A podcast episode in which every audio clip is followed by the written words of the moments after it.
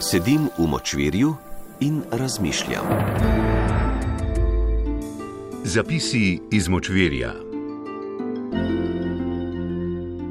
Premijer nas pošilja v Venezuelo in ljudstvo, ki nasprotuje ali njemu, ali njegovi vladi, ali njegovi stranki, je užaljeno. Mnogi so celo ogorčeni.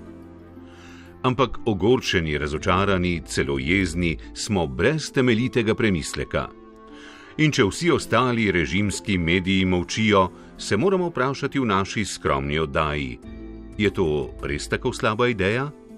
Ali še drugače, je selitev v Venezuelo res nekaj najslabšega, kar se lahko zgodi velikemu delu slovencev? Milenijske generacije se o vsem odločajo na podlagi za in proti, pa naj gre za nakup sendviča s klobaso ali pa selitve v Venezuelo. Tako se bomo te metode poslužili tudi mi, še prej pa rešimo nekaj logističnih problemov. Glavno vprašanje je seveda, kako bi se preselili. Del slovencev bi zagotovo plaval, kavelci in korenine bi se na piranski punti spustili v vodo in po nekaj mesecih izplavali v Karakasu drugi del bi lahko v floti osmercev vodil prek oceana istok čop. Nekaj nas bi lahko odpuščeno Adrino osebje prepeljalo z letali, vsi ostali pa bi se vkrcali na ladje splošne plovbe. Venezuelci slovenskega rodu, ki so pred nekaj meseci pribežali k nam, bi nam bili vodiči, profesorice španščine pa bi med dolgo potjo simultano prevajale mehiške nadaljevanke. Če bi zraven vzeli še Marijo z brezi, bi se nam kot Izraelu lahko celo razprlo morje in bi del slovencev lahko opravil potovanje tudi peš ali na kolesu. Kar bi bilo dobro, ker bi prihranili, pa še nekaj bi naredili zase.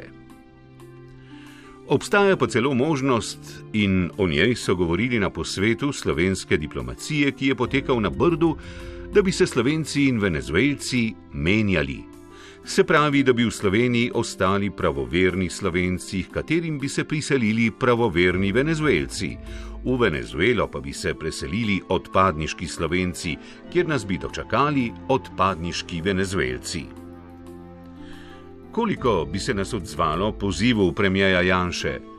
Najverjetneje kakšna polovica, ker kot pravi pesem, samo milijon nas še živi na svoji zemljici premakniti milijon na drugi kontinent pa ne bi smel biti večji problem.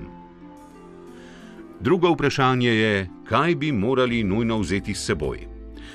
Zdaj, ko vemo, kako se razmnožuje, bi lahko vzeli človeško ribico, ob njej pa še nujno sadike pehtrana za potico, vlada kreslina ter seveda kurente. Vse ostalo imajo v Venezueli. Ampak kljub temu bi selitev v Venezuelo ne bila lahka, ne enostavna. Poglejmo, kaj bi s selitvijo izgubili. Izgubili bi tradicionalno slovensko faušijo, ker bi lahko ob 32 prebivalcih na kvadratni kilometr živeli mnogo bolj vsak sebi, v primerjavi s 104 prebivalci na kvadratni kilometr, kolikor se nas drenja danes v Sloveniji. Kaj pa bi s selitvijo v Venezuelo pridobili? Kljub temu, da imamo našo domovino neskončno radi, moramo vedeti, da je v Venezueli vse večje in boljše. Zato se zdi neumno, da te nekdo pošilja na boljše mesto kot kazen za grdo vedenje. Kot da bi mulca, ki vozi stoenko, besni starši kaznovali za prehitro vožnjo s tem, da mu podarijo Ferrari. Hočemo povedati, da Venezuela tudi na slabši dan vsem nažge Slovenijo. Njihova najvišja gora je za dobrih 2000 metrov višja od Triglava. Njihova najdaljša reka, mogočni Orinoko, je desetkrat daljša od toka Save v Sloveniji. Njihov najvišji slab pa je ne le višji od Savice, Boke in Rinke skupaj, temveč je skoraj s kilometrom paca najvišji na svetu. In če bi kdo pojokal za naravno raznolikostjo Slovenije, ki jo bomo pustili za seboj, ne se sekirati. Venezuela spada med deset držav z največjo biodiverziteto na svetu. Slovenije ni niti med 50. Tisti, ki bodo pošmrkali v slovo, Krvavcu, Voglu in ostali muzejski smučarski infrastrukturi, v Venezueli so imeli najdaljšo in najvišjo žičnico na svetu, in čeprav so le pljune kot ekvatorja, se da pri njih, oziroma ponovem pri nas, še vedno lepo smučati na ledeniku in to skozi vse leto. Ne bi pa izgubljali besed o morski obali. In ko bomo v Venezueli, se bomo končno lahko nehali sekirati, ker poreč ni naš. Velika večina od 2800 km obale leži ob Karibskem morju, delček tudi ob Atlantiku. Tisti politiki, ki se bodo odselili z nami, bodo sicer malo frustrirani, ker ne bodo mogli več govoriti o Piranskem zalivu, vsi ostali pa bomo uživali na neskončnih peščenih plažah. Pa še malo zdravega seksizma, ker kolikor je bilo zaznati, je Janša še posebno gorak na slovenske moške in bi večina izgnanih zastopala moško slovnično obliko. Kakorkoli so slovenke oh in sploh, tudi venezuelke niso za odmet. Venezuelske lepotice so najbolj znani izvozni artikel te države in lepotna tekmovanja so v naši novi domovini prava industrija.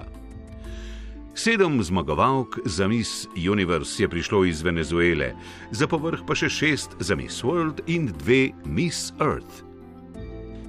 In še čisto na koncu, Nostalgično bomo za seboj pustili govejo župo, restan krompir in slake na radiju, ter se prepustili torturi tropskega sadja, morske hrane in salse. Je pa res, da se bomo morali na račun ruma odreči cvičku. Torej, našteli smo tako slabosti kot prednosti selitve v Venezuelo. Sedaj pa si poglejmo kategorijo, pri kateri sta Slovenija in Venezuela enaki in ne bomo s selitvijo ne na boljšem, ne na slabšem, temveč bo za nas situacija enaka. V Venezueli vladajo pohlepne gospodarske in politične elite, ki kljub naravnim bogatstvom pehajo državo v revščino ter za paravan svojih zavržnih rabot uporabljajo ideologijo. Enako kot v Sloveniji. V Venezueli se poskuša skozi privid demokratične podpore brezpravnih ljudskih množic, živečih predvsem na uničenem podeželju, ustoličiti avtokratski in vsaj delno diktatorski režim. Ha, enako kot v Sloveniji.